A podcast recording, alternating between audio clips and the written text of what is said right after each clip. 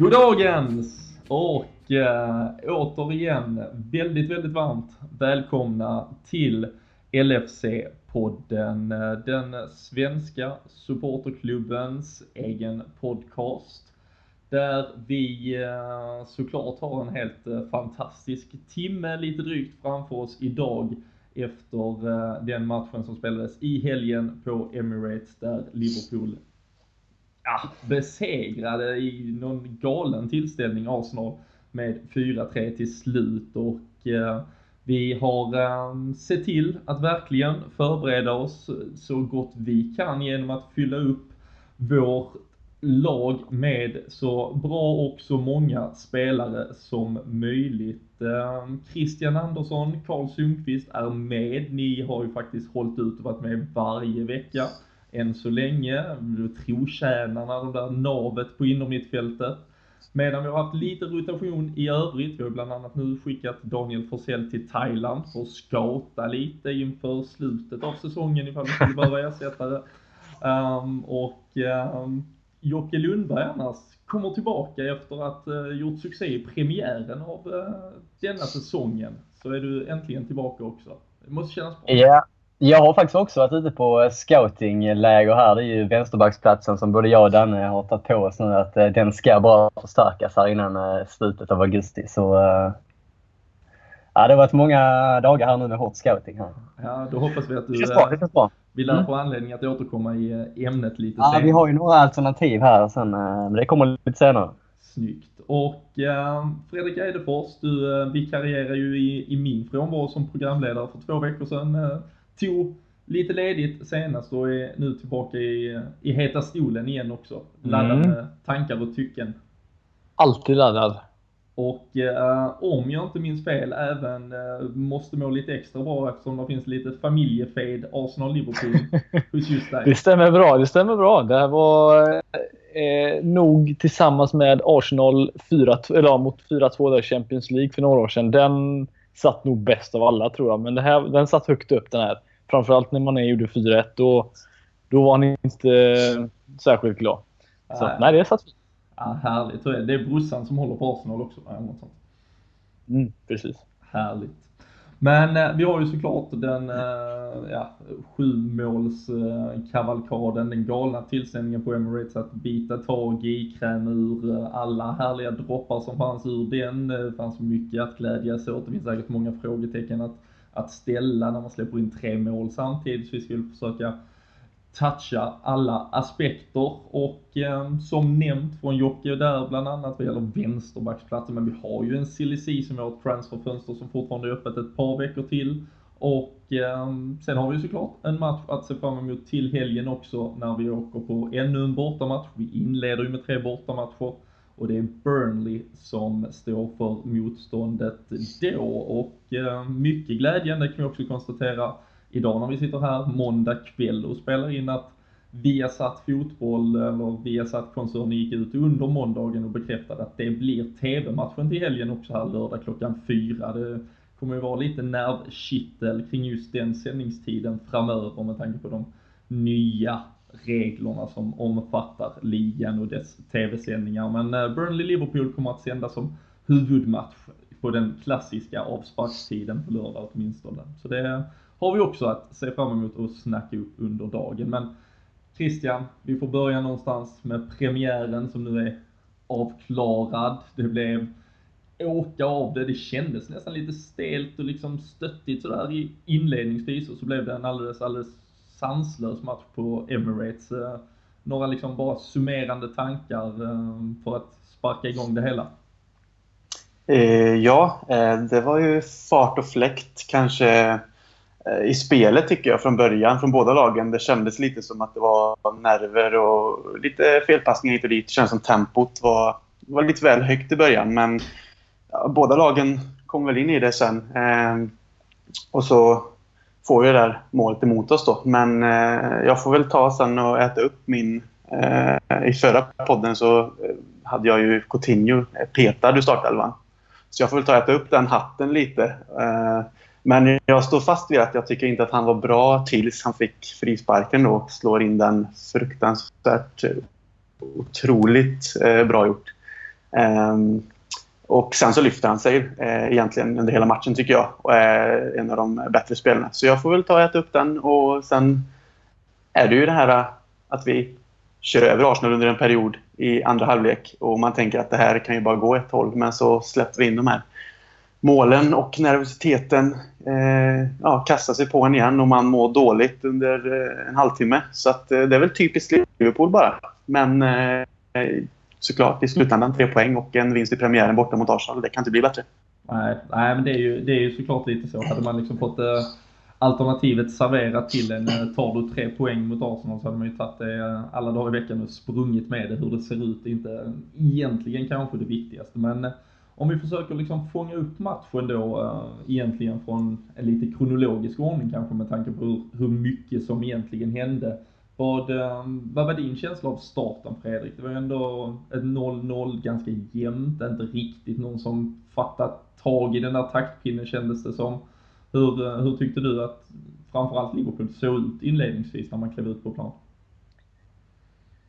Jag tyckte det var rätt, eh, för att det var en premiärmatch och på, mellan två storlag dessutom, tyckte jag det var rätt, en ganska tråkig inledning. Det var, hände ju inte särskilt mycket. Det var mycket, förvånansvärt mycket bollar tillbaka till målvakterna i respektive lag. Så jag tyckte det var väldigt eh, tafatt i början. Eh, men och stämningen var ju fruktansvärt tråkig dessutom. Jag vet inte om det bara var kameran, alltså själva ljudet från kameran som tog upp det. Men det var inte särskilt mycket liv på läktaren för att vara en sån stor match heller. Så det var det var inte förrän straffen egentligen som det började hända lite i den här matchen. Och, det, och därifrån så kickade det igång hela vägen till 95 minuter som det blev. Och där, ehm, men Liverpool var ah, det var ju andra halvlek som vi egentligen ska prata Liverpool och inte första. För där var Arsenal snäppet bättre tycker jag. Mm.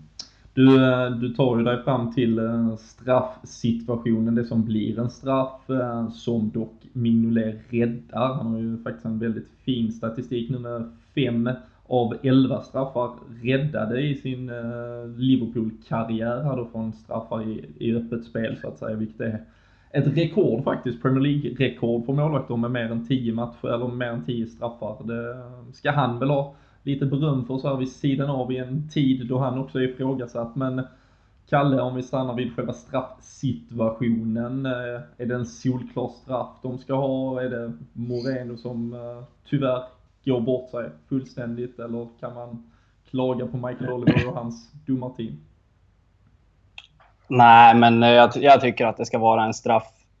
Um, det är ju ganska vårdslöst spel av Moreno i, i straffområdet, så jag tycker helt klart att det är straff. Men det var lite tveksamt där just då när det hände, men straff tycker jag att det var. Mm. Jag vet inte om ni noterade att Moreno, han hade ju en sån riktig liksom, idiotsatsning i, som gick ut till hörna vid andra ja, änden, ja. liksom bara fem minuter tidigare. Um, om vi kort stannar vid det, tror ni att, tror ni, hur tror ni liksom han påverkas av hela den här, ja, det stora frågetecknet som egentligen omgärdar hans liksom, status i truppen? Um, han känns ju tyvärr som spelaren som vill liksom bevisa för mycket då helt plötsligt. Uh, finns risken att vi liksom har en ännu sämre Moreno just nu med tanke på hans situation snarare än att han växer i det.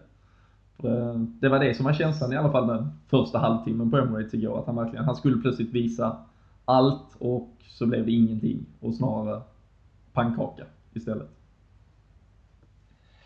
Det blir ofta sämre då känns det som när spelare som inte är liksom, det är en grej om, om en Messi ska bevisa någonting. Men en Alberto Moreno som är redan ifrågasatt när han...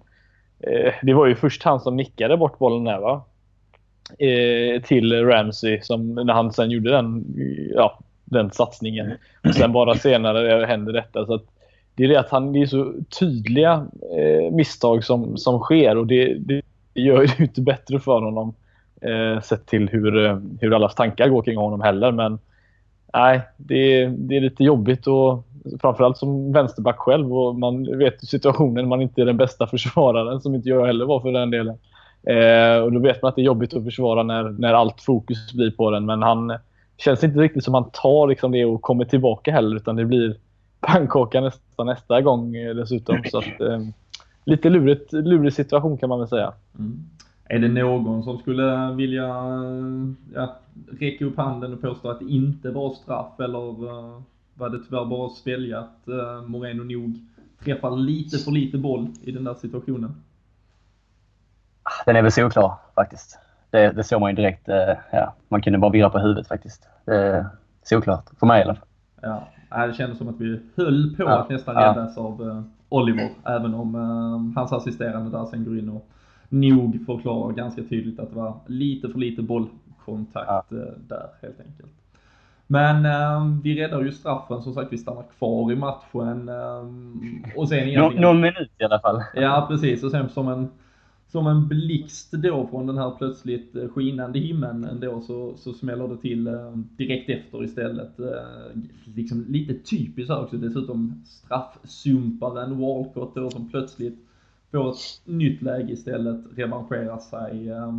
Det, har ju varit, det var ju mycket, det var snabbt. Jag var, jag var absolut en av dem som liksom bara kände, fan Moreno igen, det sker bakom ryggen på honom. Har ni, har ni haft möjlighet att titta närmare på den där 1-0 situationen och eh, är det någon som skulle vilja uttala sig lite kring den och vad det egentligen var som hände där? För det var ju Moreno som fick ta mycket skit för den, men uh, det var ju rätt mycket som gick fel i hela den situationen kan man konstatera nu i efterhand tycker jag.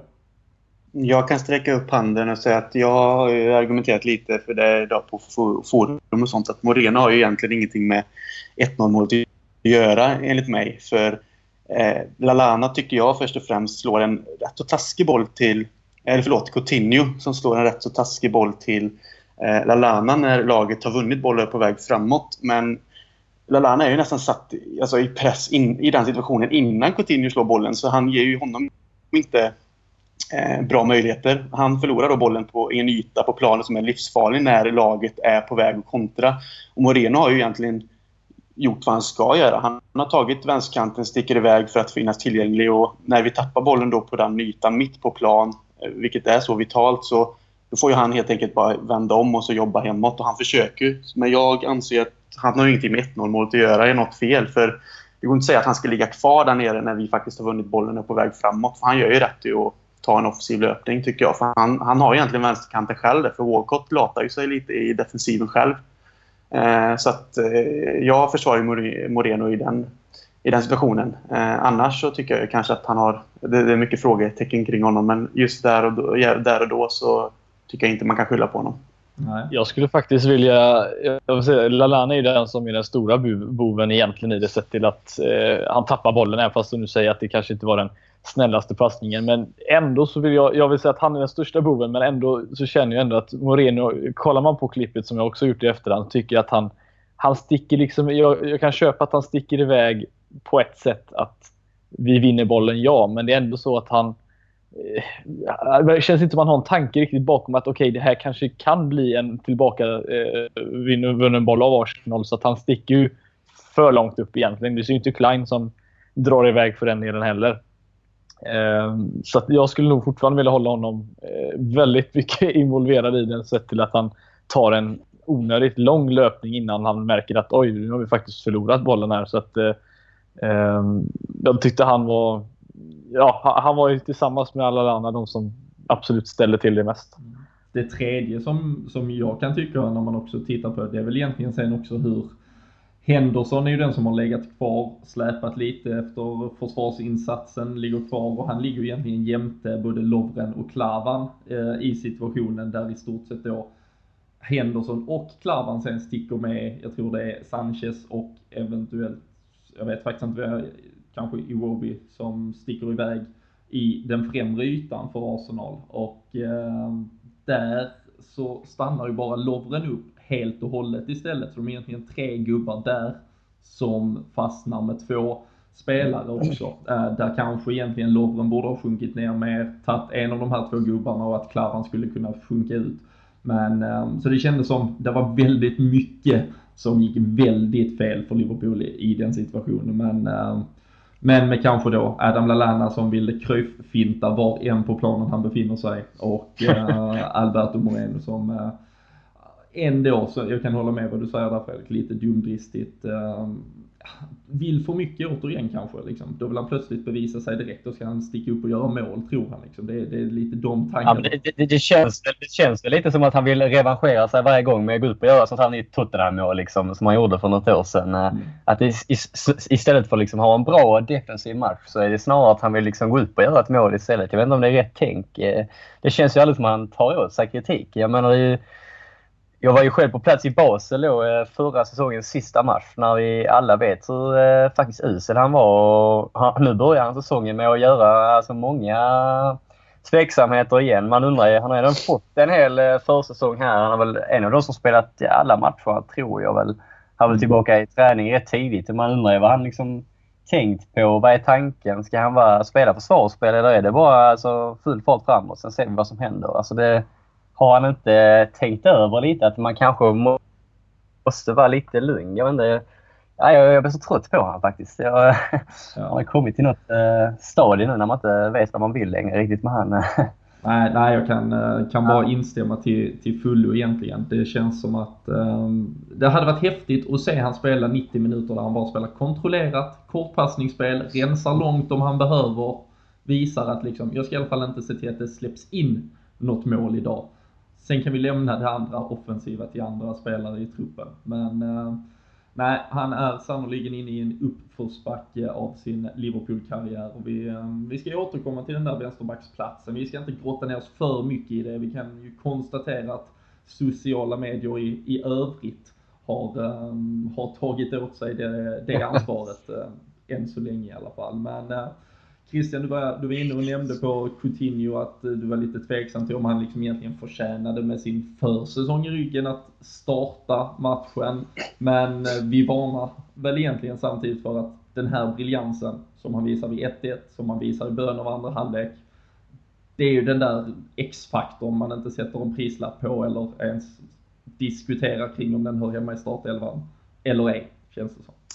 Ja, önsketänkande är lite att, som i matchen igår, eh, det här frisparksmålet han gör och eh, att han är i straffområdet och avslutar ju ett mål till och är väldigt... Eh, ja, är ju egentligen en av planens bästa spelare, helt klart.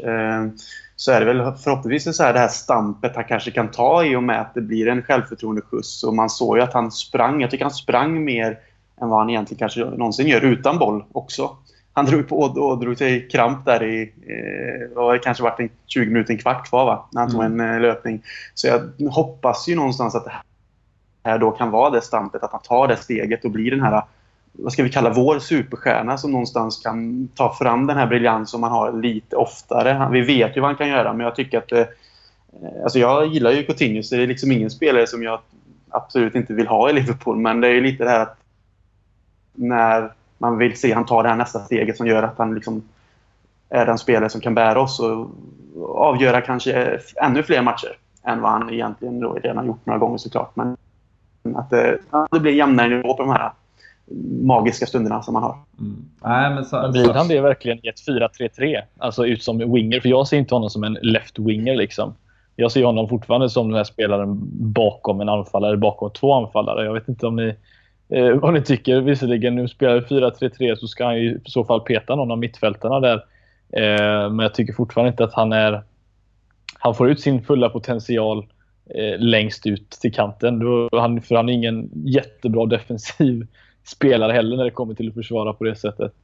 Nej, alltså, samtidigt, jag tycker väl egentligen spelar vi som igår egentligen där vi spelar en, ja vad ska vi säga, någon form av diamant med Henderson bakom Wijnaldum och Lalana centralt så hade jag väl hellre egentligen sett Coutinho istället för Lalana i den eh, centrala positionen. Eh, även om jag kanske egentligen hade disponerat laget helt annorlunda eh, lite. Med, men det är ju egentligen såklart en lek med siffror. Det är vissa spelare som, som Mané till exempel som, som rör sig över enorma ytor och därmed egentligen frångår ett eh, särskilt statiskt system men um, vi kan säkerligen, vi kan väl återkomma lite till Coutinho hur han liksom, hur det fungerar. Man, vi håller ju säkert alla med Christian det här med att vi vill få ut så mycket mer men uh, Karl, om vi går över sen till, till andra halvlek och eh, uh, de ja, första 10-15 minuterna där. Vad, vad var det som plötsligt fungerade i ett Liverpool som exploderade eh, efter en ganska trög första halvlek? Ehm, jag tyckte vi pressade, ursäkta. Jag tyckte vi pressade Arsenals eh, orutinerade mittbackspar, man får säga så, rätt bra. Jag varit förvånad över att Arsenal ändå försökte låta Holding och Chambers sköta så pass mycket av deras upp, uppspel. Så att, eh, det tyckte jag vi gjorde jäkligt bra. Egentligen alla målen grundas ju i ett dåligt försvarsspel av de två. 1-0 målet är ju Holding som drar på sig en väldigt onödig frispark på Coutinho. Mm. Sen eh, Coutinhos andra mål är ju också Holding som tappar Coutinho helt. Han ska, Coutinho ska inte få vara först, först på den bollen. Så att, eh, det tycker jag vi gjorde jäkligt bra på det spelet. Och sen var det mest bara synd om Chambers och Monreal när Sadio Mané valde att sätta fart och, och göra 4-1. Ja. Ja, uh, det, um, fantastiskt uh, mål där såklart. Vad, uh, Jocke, hur var, hur var din känsla när man plötsligt uh, såg ett Liverpool så där jävla bra som vi kan vara under den här första kvarten? Ja, men det var väl ett helt annat lag som, eh, som kom ut i andra halvlek. Det kändes ju som i, i första halvlek var det ju... Firmino var ju alldeles för djupt ner. Vi fick inte igång anfallsspelet. Och, men i andra halvlek är det helt annorlunda. Och, ja, jag, jag vet inte vad jag ska säga. Det var ju som dag och natt. Jag vet inte vad... Lalana sa väl någonting efter matchen att eh, Klopp hade haft något eh, brandtalare brandtal i halvlek. Och, eh, det måste ju varit ett rejält brandtal för det var ju ett helt annat lag och allt klickade direkt. Så ja, jag vet inte riktigt. Det var något i det. Jag läste lite siffror på det där att Liverpool sprang 117,6 kilometer totalt tror jag. Det är det mesta ett lag har sprungit i Premier League sedan de började med ja, mäta distanser som jag förstod det. Så det talar ju en del för det är försäsongen här nu med Kornmajor eller vad han nu hette, ja. nya fystränaren. Precis. Jag ska... Klopp 2.0.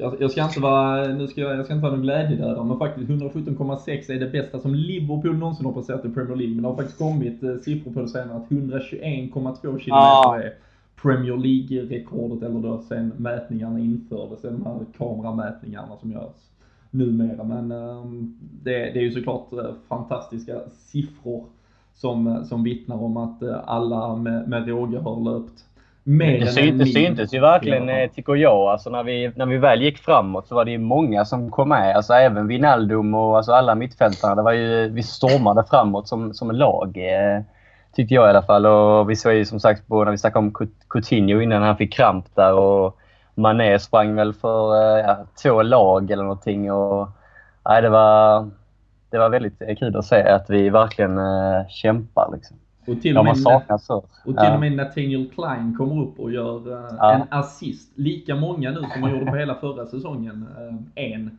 Så, uh, och, han, det, och där kan man väl också liksom visa, det, det har ju varit lite, eller Moreno framförallt hade ju lite mandat förra säsongen på att alltid vara den som gick fram. För Klein tog ju det defensiva ansvaret. Men han har ju absolut en full funktionalitet i offensivt straffområde också. Um, om det skulle vara så.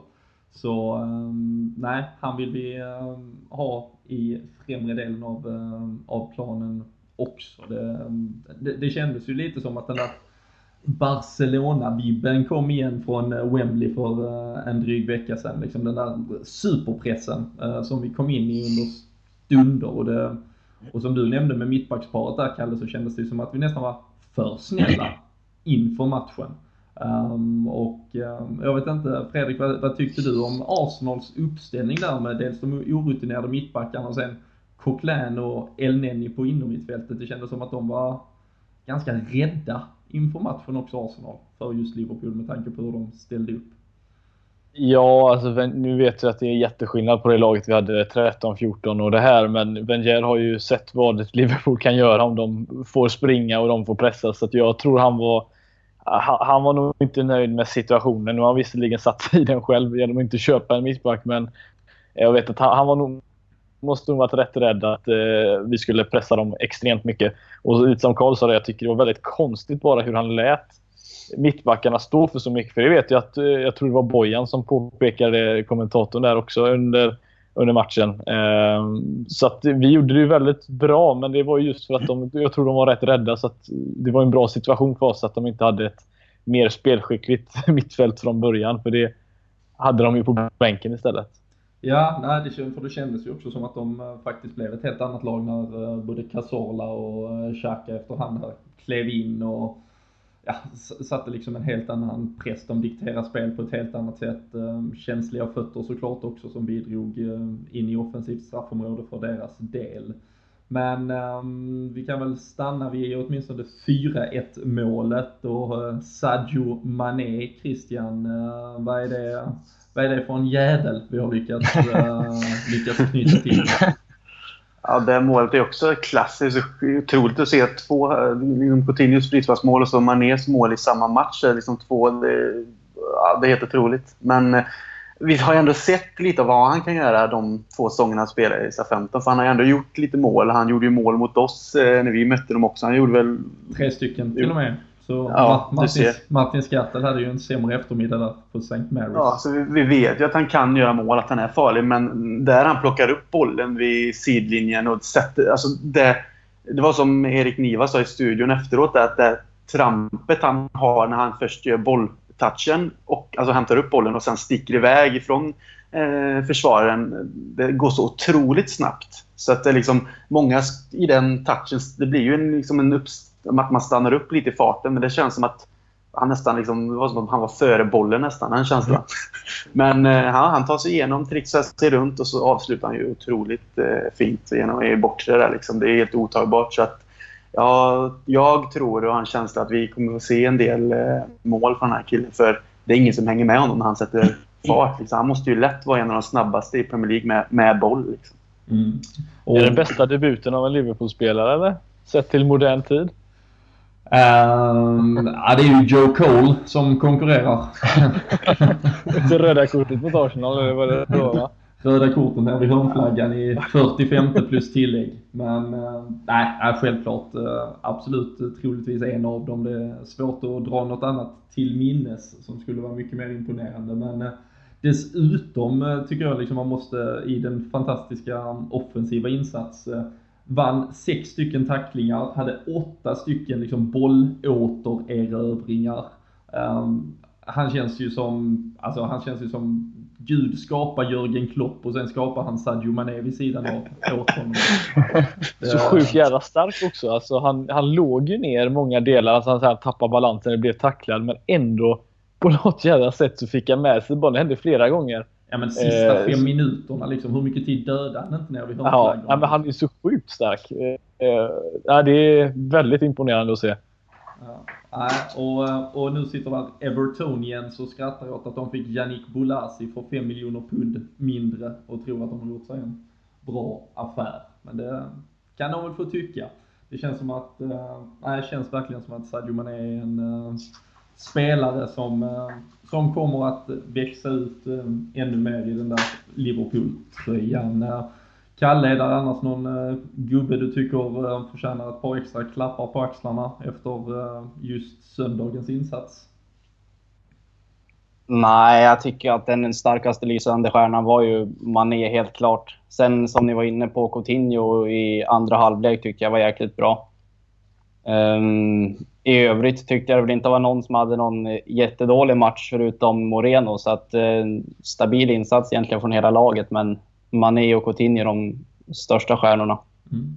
Jocke, vi, eh, vi satt ju här för en vecka sedan. Då satt ju du hemma i lugn och ro och kunde bara lyssna in oss sen efteråt. Men vi satt ju, vi satt ju mycket och pratade om att Emre Can var den liksom uh, gjutna, det gjutna navet på innermittfältet. Henderson eller Wijnaldum trodde man att en av dem skulle spela vid sidan av honom. Nu har det varit lite känningar troligtvis på Chan och att han inte kanske är helt redo. Istället blev det båda två då som uh, klev in. Hur tyckte du mittfältet fungerade ehm, um, i såklart en väldigt tuff match och uh, första gången de egentligen på allvar liksom ställs sida vid sida. Men uh, vilket betyg får de? Så det är svårt att... Första halvlek är ju, alltså andra halvlek är som dag och natt. Det kändes ju... Jag studerar faktiskt Henderson lite extra mycket. Eh, det känns ofta som att han inte riktigt har koll på vad som händer bakom honom utan... Eh, alltså, det är ofta att spelare, motståndarspelare kommer och hugger bollen i ryggen på honom. För han inte riktigt har koll med huvudet vad som händer bakom honom. Och, ja, jag är inget riktigt Henderson-fan och jag tror ju snarare att det blir Chan här eh, redan till helgen faktiskt med, med Wijnaldum. Jag tyckte direkt vi såg när Chan kom in att det är en helt annan eh, motor på mitten. Liksom. Det blir en helt annan fart framåt. Och, um, ja, Nej, jag eh, tror inte det blir så länge vi får se Henderson och Wijnaldum utan det blir ett byte redan till helgen. Mm. Säger ni om det? Ja, kort tycker jag väl att eh, man märkte ju att de hade lite svårt att finna balansen. Det var ingen som egentligen liksom, det är ingen som har ryggmärgen att ta det där defensiva.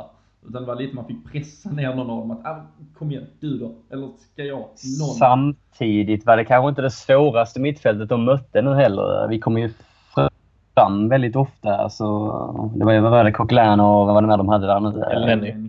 Ja, det är ju kanske inte det tuffaste fysiska motståndet, men uh, ja.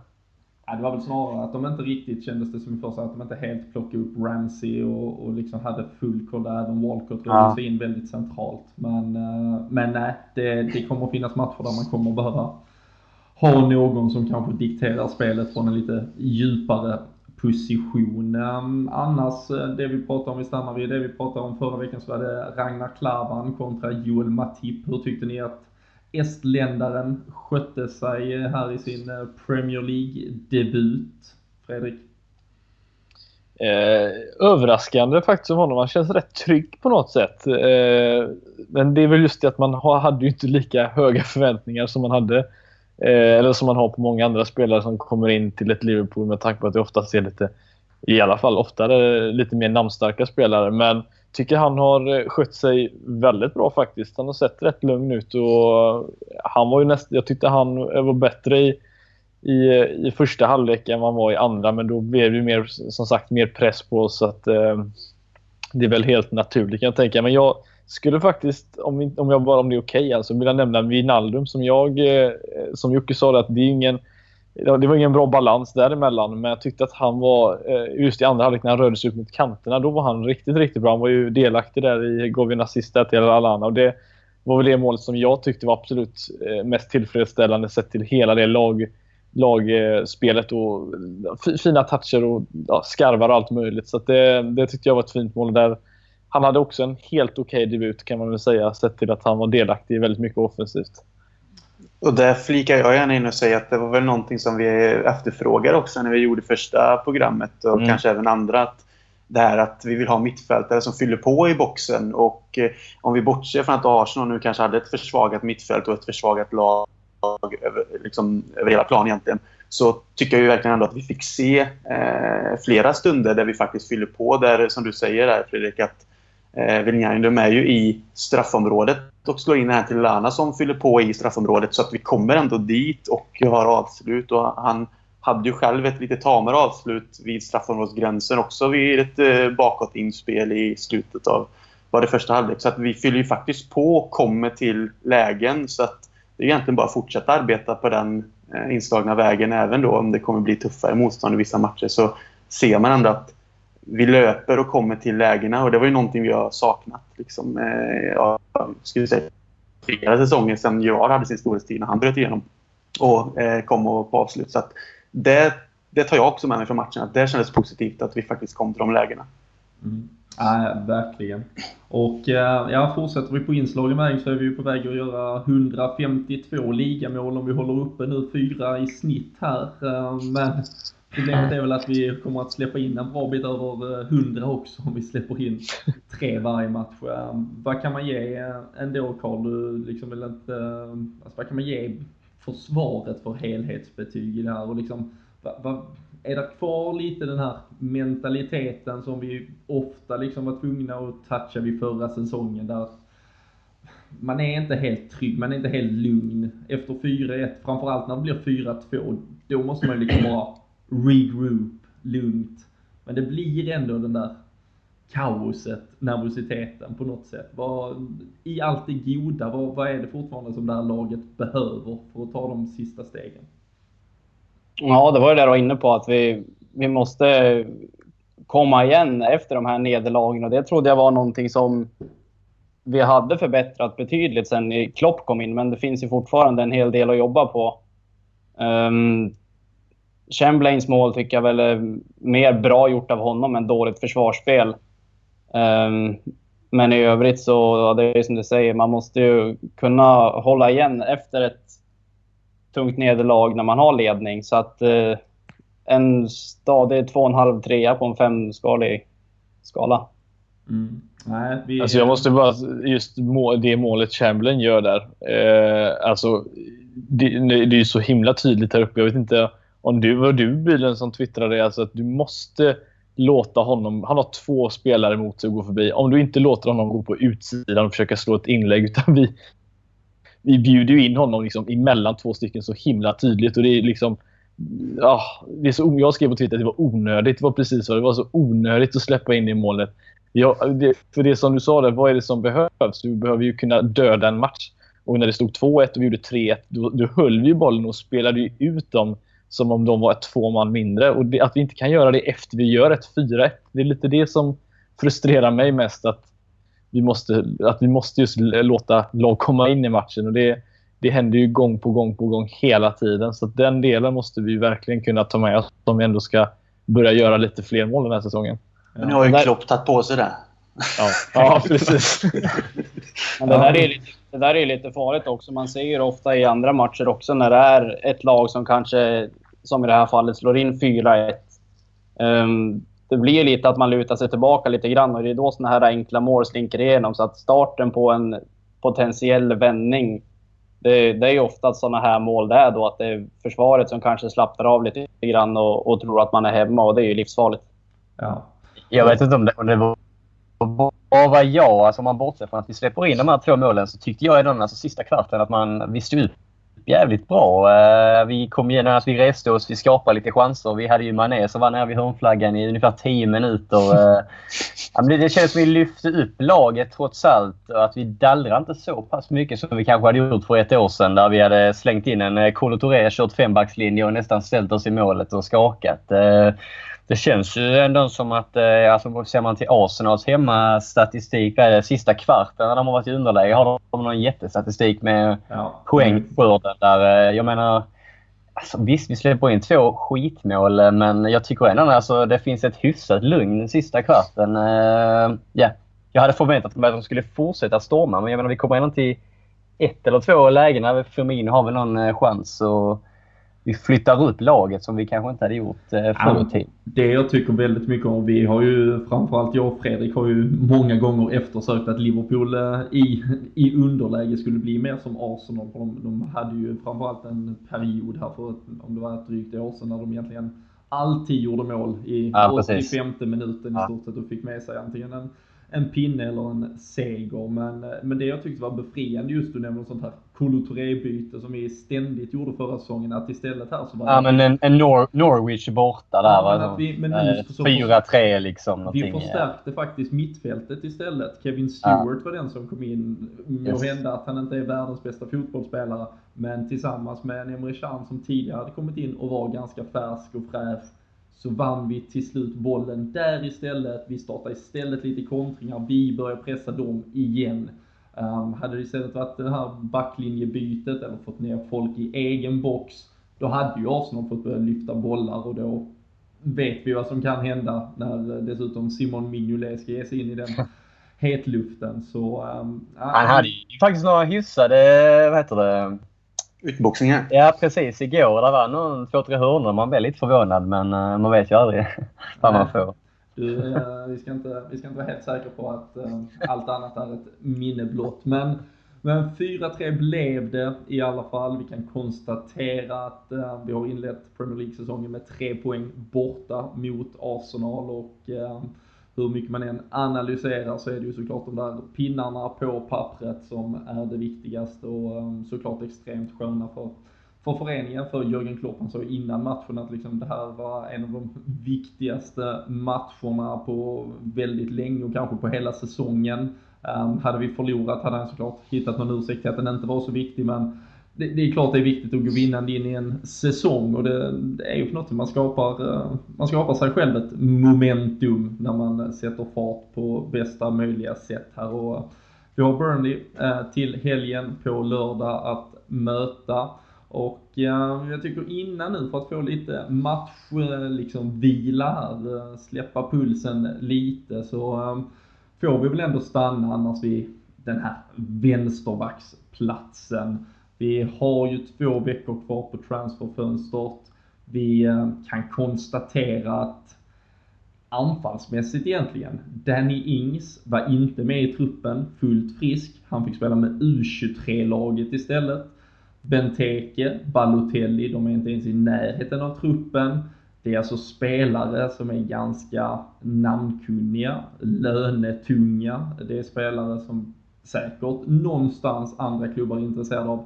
Men däremot så istället så tvingades vi ha med Alexander Arnold på bänken för att täcka upp vänsterbacksplatsen eller ytterbacksplatsen överhuvudtaget.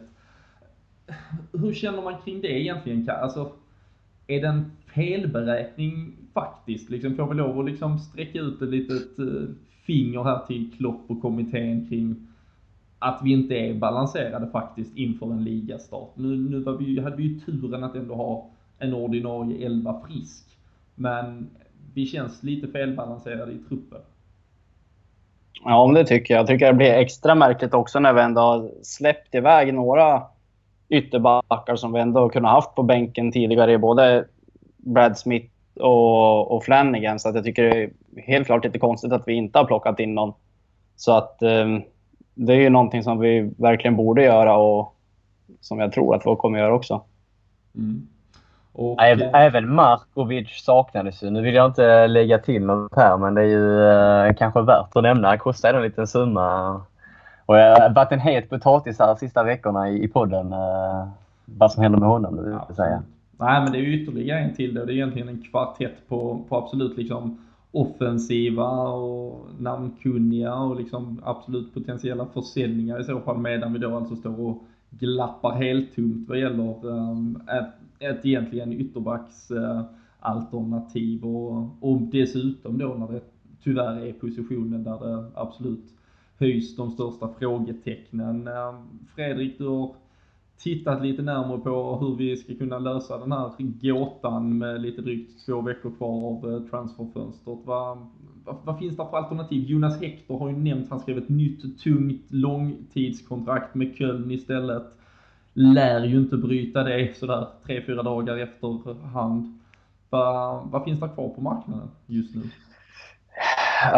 alla som har lyssnat på podden vet ju vad jag är ute efter när det kommer till vänsterbacksplatsen. Även de som följer mig på Twitter. Jag förstår inte hur svårt det egentligen ska vara. För det känns som att det finns, eh, det finns bra spelare att hämta in. Jag vet inte om hur, varför egentligen det blir så med Hector. För att det där är en, alltså en landslagsback som hellre i så fall då verkar stanna i Köln än faktiskt hoppa på tåget och spela för Liverpool med Klopp. Det känns som att det, måste vara någonting bakom där som gör att... Det är väl priset, priset i så fall. Eh, antar jag. Men, eh, Men nej, har vi råd jag, att sagt... låta bli? Har vi råd att inte kanske lägga ett överpris just nu? Har vi råd att alltså, liksom starta säsongen och inse att vi inte har fått något mer? Jag, jag, tror inte vi har det. Eh, jag tror att det är ett väldigt dumt läge att inte egentligen försöka bygga ett lag nu när vi inte har särskilt mycket matcher att spela den här säsongen. Att det är nu vi ska börja bygga en grund för nästa säsong då vi kanske till och med kan komma så pass högt upp att vi har eh, Eh, ja, europeisk fotboll nästa säsong. Eh, men det är som sagt, säljer man en Benteke för stor summa så skulle man önska att man kunde lägga den lika stora summan på en extremt bra vänsterback. Och det som sagt, ska vi satsa högt så är det ju en Ricardo Rodriguez eller en Jonas Hector som, som har den speltypen som vi behöver. Alltså en bra passningsfot som är väldigt solida bakåt. Eh, men det, det, känns ju snarare som att det kommer bli, om det blir något, en ung ytterback som har mycket potential som sitter i samma sitt som Moreno egentligen, fast kanske bättre defensivt. Då. Så det, eh, ja, det är en lurig situation, men vi har ju som sagt vi har inte haft eh, en bra ytterbacksposition på väldigt, väldigt länge. Jag vet att vi pratade om det igår, där att vi har inte särskilt bra backup som vi hade sen var det 2007-2008 när vi hade en Aurelio Risen, finnen och en eh, Arbeloa till exempel. Och det, då kändes det mycket mer tryggt än vad det gör nu i alla fall. Det kan man lugnt säga. Jag slängde ju till och med in kortet där på att eh, Arbeloa finns på fri transfer. 33 eh, mm. år gammal. Eh, Real Madrid i, i blodet här sen, sen senast. Såklart med lite, lite underliggande skämt i det, men, men vad fan. Han hade väl inte gjort bort sig just nu? Ingen hade gjort bort sig. nej, det, det, känns väl tyvärr lite så. Men ehm, nej, vi, vi, vi får ju såklart bara återgå. Om du, är det några namn annars Fredrik som du tror om vi, om vi får vara trista och mer tro, troliga i, i vad som skulle kunna hända? Mm. Finns, det, finns det några namn? Eh, ja, det har ju ryktats lite om Amavi från Aston Villa som är en eh, ung, ung vänsterback som också har som sagt mycket potential. En snabb eh, ytterback med bra vänsterfot. Dock också som sagt det jag har sett från honom inte alls den där solida vänsterbacken som, som jag ändå vill att vi ska ha in snarare än, än någon som går, eh, tänker bara offensivt. Men en, en som jag inte nämnde på vår lista som vi pratade lite om igår det är ju Marcos Alonso om någon kommer ihåg honom från Sunderland-tiden var han lånad dit men har som sagt spelat för Fiorentina. Där har vi en vänsterback som jag tycker är alltså en solid back. Alltså, han släpper inte till mycket. Han, gör inte, han sticker inte ut på något sätt när det kommer till att måste vara den häftigaste spelaren. Utan han gör sitt jobb. Har en väldigt bra vänsterfot för den delen, men just att han är, han är solid bakåt. Eh, så att han skulle absolut eh, kunna se i en Liverpool-tröja. Och han har ju den åldern, någonstans 26-27, så att det hade passat utmärkt tillsammans med Moreno på den kanten. Men eh, vi får väl se vad det är för namn som dyker upp här. Om det händer något. Det är väl en halv månad kvar här något tills det stänger. Precis. Är det någon av er andra som har uh, något namn att kasta in i leken eller ska vi låta Fredrik Eidefors stå kvar som chefsscout i, i poddens lagbygge? Han får stå kvar. Vi inväntar rapporter från Dan om man hittar någon i Thailand. Uh, det, det senaste jag har sett han skriva det är Chang och Singa eller något sånt, men uh, vet inte fan. Vet inte fan om kan, man lova, kan man lova det? Om det, om det är. Eller så blir det den gamla sydkoreanska fucking no one. så uh, nej, vi, vi lär få anledning att uh, återkomma i eh, ämnet. Ehm, tror ni förresten att, vi, att det sätts lite fart på eh, Benteke-fnurran eh, nu då när Bolasi, Crystal Palace ehm, lämnar och ehm, går till Everton uppges ju ligga kring 25 miljoner pund strax i underkant av det vi begär för Benteke. Kan det vara så att vår blåa lillebror har löst vårt tyngsta problem kanske annars som vi har suttit på under sommaren här. Ja, men det tror jag. De har ju fått en liten utökad bankbok nu med den där försäljningen. Det har ju varit en följetong nu som har hållit på i en dryg månad. Så att eh, jag tror att det kommer hända nu ganska snabbt faktiskt att Benteke går till Pallas. Det, ehm, det vore ju såklart kanske absolut bäst för alla parter också. Det kändes ju märkligt överhuvudtaget när vi ehm, ja, ignorerade det där budet som sades vara kring 27, 27,5 plus lite eh, add-ons så att den ändå skulle landa kring 30 men att vi vill ha strax över 30 på ett bräde. Det kändes lite girigt men eh, vi kan ju hoppas att Alan Pardew och Crystal Palace har eh, ändå eh, löst det bekymret nu kanske faktiskt ger oss det vi, vi hoppas på för uh, Benteke. Så, um, så är det bara mysteriet Mario Balotelli kvar att ta tag i. Vad, vad, skulle hända om han faktiskt tillhör Liverpool från den 1 september, Balotelli? Nej, jag, jag, tror inte han hade fått spela. Det har väl blivit nu i U23. Vad är det tre spelare man får ha som är över, eh, precis som det varit i OS och så här förr. Han hade väl härjat där. Jag tror inte han ens varit nära truppen faktiskt. Eh, eh ja, han har ju inte fått vara med. Han har inte ens fått vara i närheten av laget en enda försäsongsmatch. Ja, inget turné eller försäsong alls. Så, ja. Han känns ju lite som den här killen som har gått om typ så sex klasser liksom och fortfarande kvar i trean när han sitter med de här killarna i Pomel. Alltså det är så här, eh, Ska han växa upp snart? Liksom? Det, man har, det finns ju en talang där. Det, det vet vi ju redan. Han har ju teknik, han har bra tillslag. Han är stark. Alltså, jag förstår bara inte hur man ska få in det i hans hjärna. Men samtidigt har vi suttit här och försökt få Moreno att kunna försvara så tror jag det är ett större fall att försöka få honom att prestera med tanke på att han har haft stora problem tidigare också. Så att, eh, men det är, det är extremt underligt. Alltså jag tror inte kan komma på en annan spelare Sett till liksom världshistorien som har varit så jävla sjukt underlig. Som inte, man vet liksom inte var man har honom någonstans. Känns ju alltså, tyvärr som det kan bli ett lån här till eh, någon mindre klubb i Serie A. Eh, någon som vågar. Serie B? Eller, ja, eller C. Det, det, det förvånar ingen heller. Nej, men alltså någon eh, som inte riktigt vill ge någon eh, peng men ändå tar chansen. Och det är väl Crotone som har nämnts här eh, ja, ett par veckor, om inte månader. Men eh, jag vet inte hur sugna de skulle vara egentligen. Det är ju... Han har inte gjort så mycket sista månaderna. Han var någon bild han har tjuvrökte på semestern och sånt. Det är inget som man kanske säljer in, inte ens till Crotone eller en Serie C-klubb kanske. Nej, Nej, det jag tycker är tråkigt är att han... eh, I City var han ju liksom och underhöll på planen och utanför planen. Nu är han varken eller i Liverpool. Det är ju skittråkigt. Jag menar, han brukar ju alltid hitta på någonting skoj utanför planen, men till och med det har han lagt ner. Så eh, jag vet inte. Han är ju bara så här... Eh, jag vet, som Fredrik säger, det, det är ett fall som liksom aldrig kommer från upp, alltså bli, bli löst. Fallet Balotelli är liksom...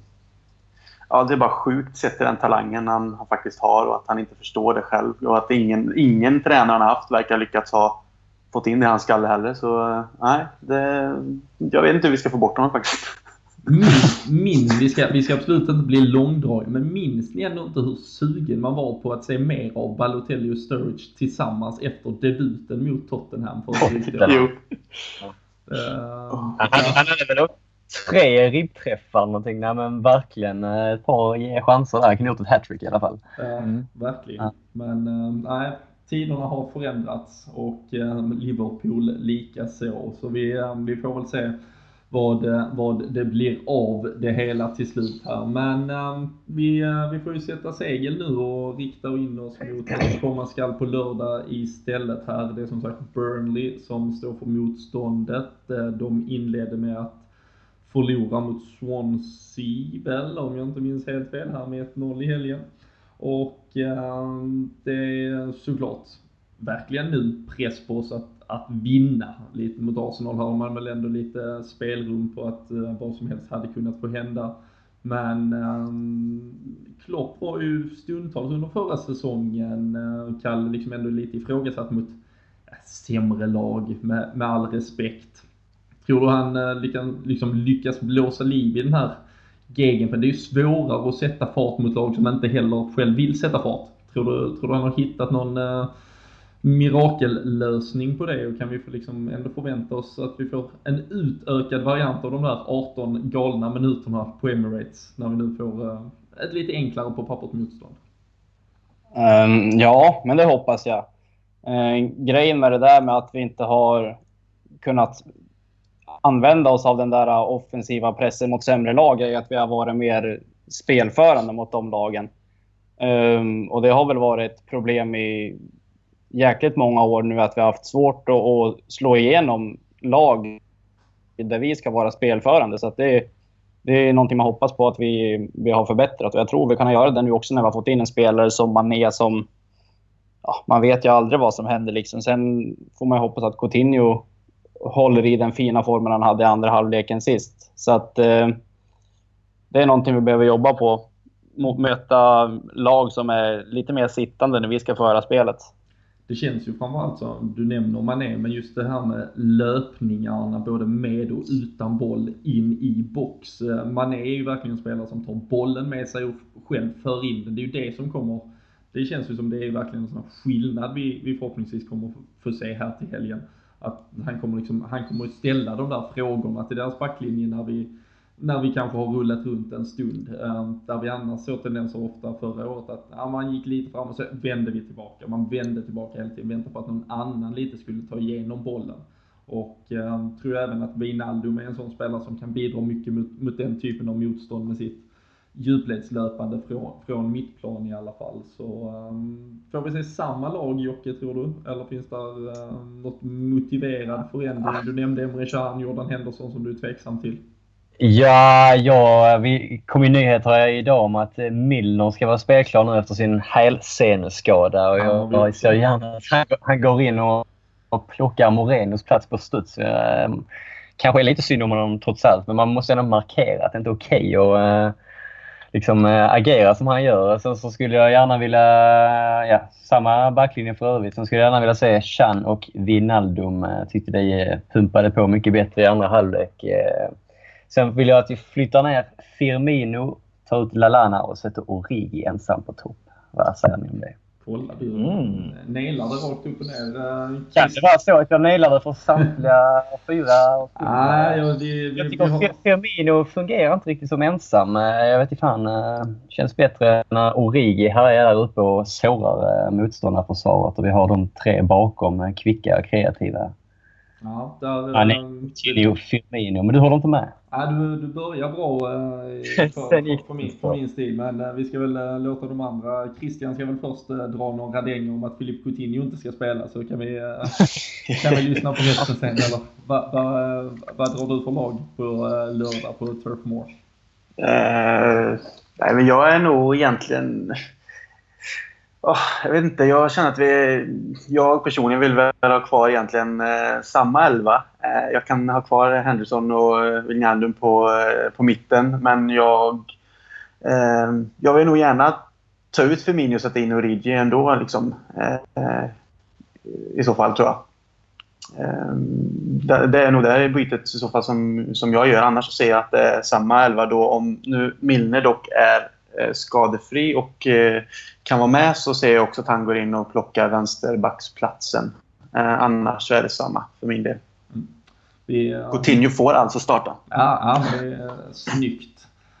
Um, det, trodde kanske att han hade behövt imponera lite mer för att hjälpa dig. Men, Den är jobbig slutändan. Ja, vi, vi, vi lämnar det där, därhen. Men um, ja, när vi ändå är igång. Fredrik, um, vilka ändringar gör du och vilket lag ställer du på benen? Uh, jag är nog lite, lite åt Jocke-hållet faktiskt. Uh, Eh, dock tror jag inte, eller jag, jag, tror att Firmino tror jag kommer få stanna kvar i laget, men jag tror att det har varit kul att se, eller det har, tror, jag vet att det har varit kul att se eh, Origi där uppe. För jag tycker att det är dags att kicka igång honom också med tanke på att han tillför så mycket mer än vad Firmino gör sett till hur vi spelar. Alltså både inläggsmässigt, eh, att han kan vinna höjddueller samtidigt att han är som sagt en väldigt stark targetspelare dessutom. Så att eh, jag skulle se honom kombinera lite med Mané. Det tror jag hade varit eh, mumma att se. Men jag tror absolut att Chan tar en plats. Men jag tror eh, fortfarande jag tror det är på bekostnad av Lalana i så fall. Och Karl, eh, vi ska inte eh, glömma dina åsikter. Nej, men jag, jag är inne på, på Jockes bana också. Jag skulle väl slå ett litet slag för Matip. Jag vet inte hur läget är där nu, men är han fit for fight så tror jag att han eh, kommer peta Klavan. För att det är så det förhoppningsvis kommer se ut i framtiden. Um, sen eh, tycker jag även att Origi ska starta. Det har ju kommit lite suspekta Facebook-inlägg nu från någon som påstås vara Starridge brorsa. Som säger att den är helt frisk men att Klopp har problem med honom. Men det litar vi väl inte på. Men jag tror att Origi startar på topp. Ja, nej, vi, um, Sturridge eventuellt suspekta brorsa kan vi ju... Uh, det, det, är ju en, det är en bra story om det liksom eskalerar. Uh, lite, lite härlig inside men uh, men nej, men det är ju samtidigt, vi, vi vet ju inte hur skadad han är. Ehm, ingen av er nämner han ens som ett alternativ. Det känns ju faktiskt som att han har kanske tappat lite i rangordning även om han skulle komma tillbaka fullt frisk. Det är ju svårt att klaga på en, liksom en offensiv som ändå har bidragit med fyra mål framåt. Um, och lite av den anledningen så, så kan, ju, kan jag inte riktigt hålla med om att uh, Origi ska, ska starta. Jag, jag tyckte inte att han skulle göra det mot Arsenal och jag tycker inte att han ska göra det nu heller. Jag, jag tycker att eh, uh, Lalana, Mané, Firmino, Coutinho är en eh, fantastisk jävla bra kvartett egentligen att ha längst fram. Och eh, tycker att eh, de ska få fortsätta. Sen, eh, sen finns det mycket som behövs jobbas med i det rent strukturella och framförallt i försvaret. Eh, på hela plan. Eh, som sagt, som vi nämnde när vi liksom tittar på 1-0 målet så är både Coutinho och Lallana slarviga i både sitt uppspel och i sin bollbehandling och, eh, och sånt måste ju såklart putsas men eh, i övrigt och det som de levererar framåt så, så är det ju fantastiska fotbollsspelare som verkligen också verkar fungera bra tillsammans redan. Så um, James Milner får gärna gå in och vikariera på vänsterbacksplatsen tills vi lägger alla Benteke-pengarna på Ricardo Rodriguez. Och um, sen tror jag väl kanske att man på något sätt um, plottrar in Emre Can uh, på mittfältet och så får vi se. Det kanske det kanske löser sig också med det där kaptensbekymret nu då att eh, om Henderson kliver ut så kan Milner vikariera när han ändå ska ta Alberto Morenos plats och så behöver han inte göra några ytterligare statements kring det, den gode Klopp. Men eh, jag, tror, eh, jag tror vi får se samma offensiv i alla fall och så då eventuellt Emre Can och James Milner som eh, kliver in på plan i alla fall. Eh, men, om, om, vi går in på, ja, kör du. Nej, bara fortsätt Jocke. Ska jag eh, trampa in? Nej, men om vi går in på Kalles poäng där med Matip. Eh, det känns ju ändå som att Klavan har gjort det jättebra, är felfri, men det är väl inte han vi ska ha hela säsongen. Eh, ska man slänga ur han ur 11 nu och liksom försöka ja. sätta det där mittbacksparet som vi har drömt om att vi får ihop efter att ha varit svajigt i ett par år nu med byte in och ut varannan vecka. Vad, vad tycker du där? Jag tror, jag tror personligen inte att man gör ett sånt byte nu. Um, skulle kanske själv kunna påstå att jag kanske hade velat det. Jag, jag ville innan Arsenal-matchen att Matip skulle starta om han var frisk. Men um, Ragnar Klavan måste ju spela sig ur elvan nu. Um, ja, det känns ju som att han måste uh, göra bort sig liksom. Och förhoppningsvis inte göra bort sig grovt, men att man ser en fallande trend eller att det är en skada som skulle liksom på något sätt liksom försvara ett, ett byte där. Men äh, svårt att bara göra bytet rakt av nu tror jag i alla fall. Äh, jag vet inte vad Fredrik tycker. Eh, ja, jag tycker också det. det. Man måste nästan spela sig bort därifrån för jag tycker att, eh, att de, de har skött sig. Alltså. Det är inte mer än så. Sen, Lovren är ingen som jag ser eh, framtiden hos Liverpool heller, men utan drömmen här för mig hade varit de två bästa, individuellt bästa för oss. Det är ju Saco och Matip. Men frågan är om Klopp faktiskt har Saco som, som första alternativ. Utan det tror jag Matip egentligen är när alla är fullt friska och i form faktiskt. Det tror jag, men jag tror det är Lovren och Matip som är den tänkta mittbacksduon. Eh, men, eh, Tills han köper en annan mittback. Som vi också hoppas att han gör. Jag, jag hoppas ju fortfarande på det också, men det lär inte komma under sommaren så är det inget drastiskt sker tyvärr. Eller att Joe Gomez äntligen blir frisk och börjar ehm, um, stå och banka på dörren. Men um, det är också tyvärr en uh, ganska sorglig saga kring han och hans skadehelvete. Så vi får um, se vad det blir av det helt enkelt. Men um, vi verkar ganska överens med laget. Uh, förhoppningarna tror vi alla har på en seger här. Men uh, om vi nu ska försöka pränta ner det och uh, lägga våra tips inför helgen. Uh, vad, uh, vad tror Krille om... du är ju faktiskt, det har vi glömt att nämna, du är ju Stryktipsreklamstjärna nu också för fan. tips, tipskung, det är ju liksom bara förnamnet här. Har ni, inte, har ni sett någon jävligt snygg kille med Liverpool-halsduk i de senaste Stryktipsreklamerna så är det ju Christian faktiskt. Så, men uh, med det så kommer ju lite press då på tippandet. Hur, uh, hur slutar det på Turf Moor? Uh, ja, 8-7 Liverpool. nej, nej jag... Ähm, ja, nej, jag ähm, tycker det är så himla svårt alltså med Liverpool. Det går aldrig att sia om det där. Man, men jag sätter en... Ja, 3-1 Liverpool då. Snyggt. Det tänkte jag ta så jag tror du har rätt. Vad, jag snodde väl ditt förra ja, gången också va? Men vi, ja. vi tänker så jävla lika. Fredrik, mm. vad tänker du? 2-1 Liverpool. 2-1. Eh, och Kalle? 1-0 Liverpool. Oj, från 4-3 till 1-0. Och eh, Jocke Lundberg?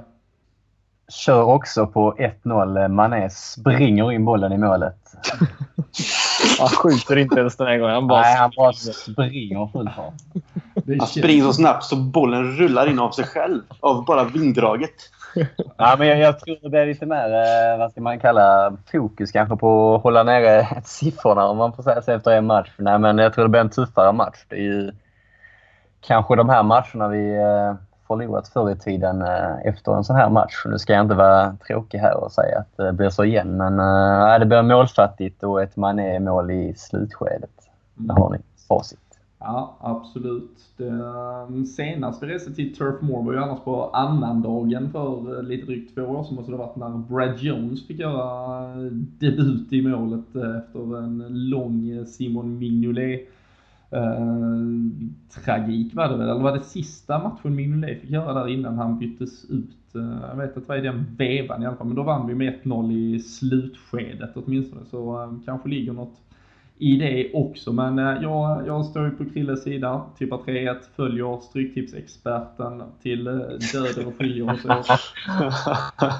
Och, ja. Ehm, och för er där hemma så eh, får vi verkligen fortsätta slå ett slag för det här med att tippa resultat på Twitter. Det, det var ju faktiskt ingen föga förvånande kanske, som hade tippat 4-3 på Emirates i helgen. Så matchtröjan som Sam Dodds sponsrar med ligger kvar i potten nu här inför helgen. Så tippar ni rätt, det vill säga resultatet och dessutom för att kunna särskilja er om det så skulle behövas så är det minut och sista målskytt där som gäller också. Men eh, så följ instruktionerna på Twitter, ni följer oss på LFC-podden, vilket jag hoppas att ni redan gör. Och eh, så är det bara att följa instruktionerna där. Men eh, tills vi hörs nästa gång, om en dryg vecka, så um, häng med på LFC.nu, supporterklubbens hemsida där alla senaste nyheterna, där dyker upp krönikor, tankar, allt möjligt om laget i våra hjärtan. Stryktipset-reklam. Det, det är med. Både banner och video. Så det är bara att köra på. Snygg kille, figurerar överallt. Så uh, nej, är jag tillbaka och njuter av det. Hoppas ni har njutit av den här timmen. Så hörs vi igen om en vecka. Ha det gott!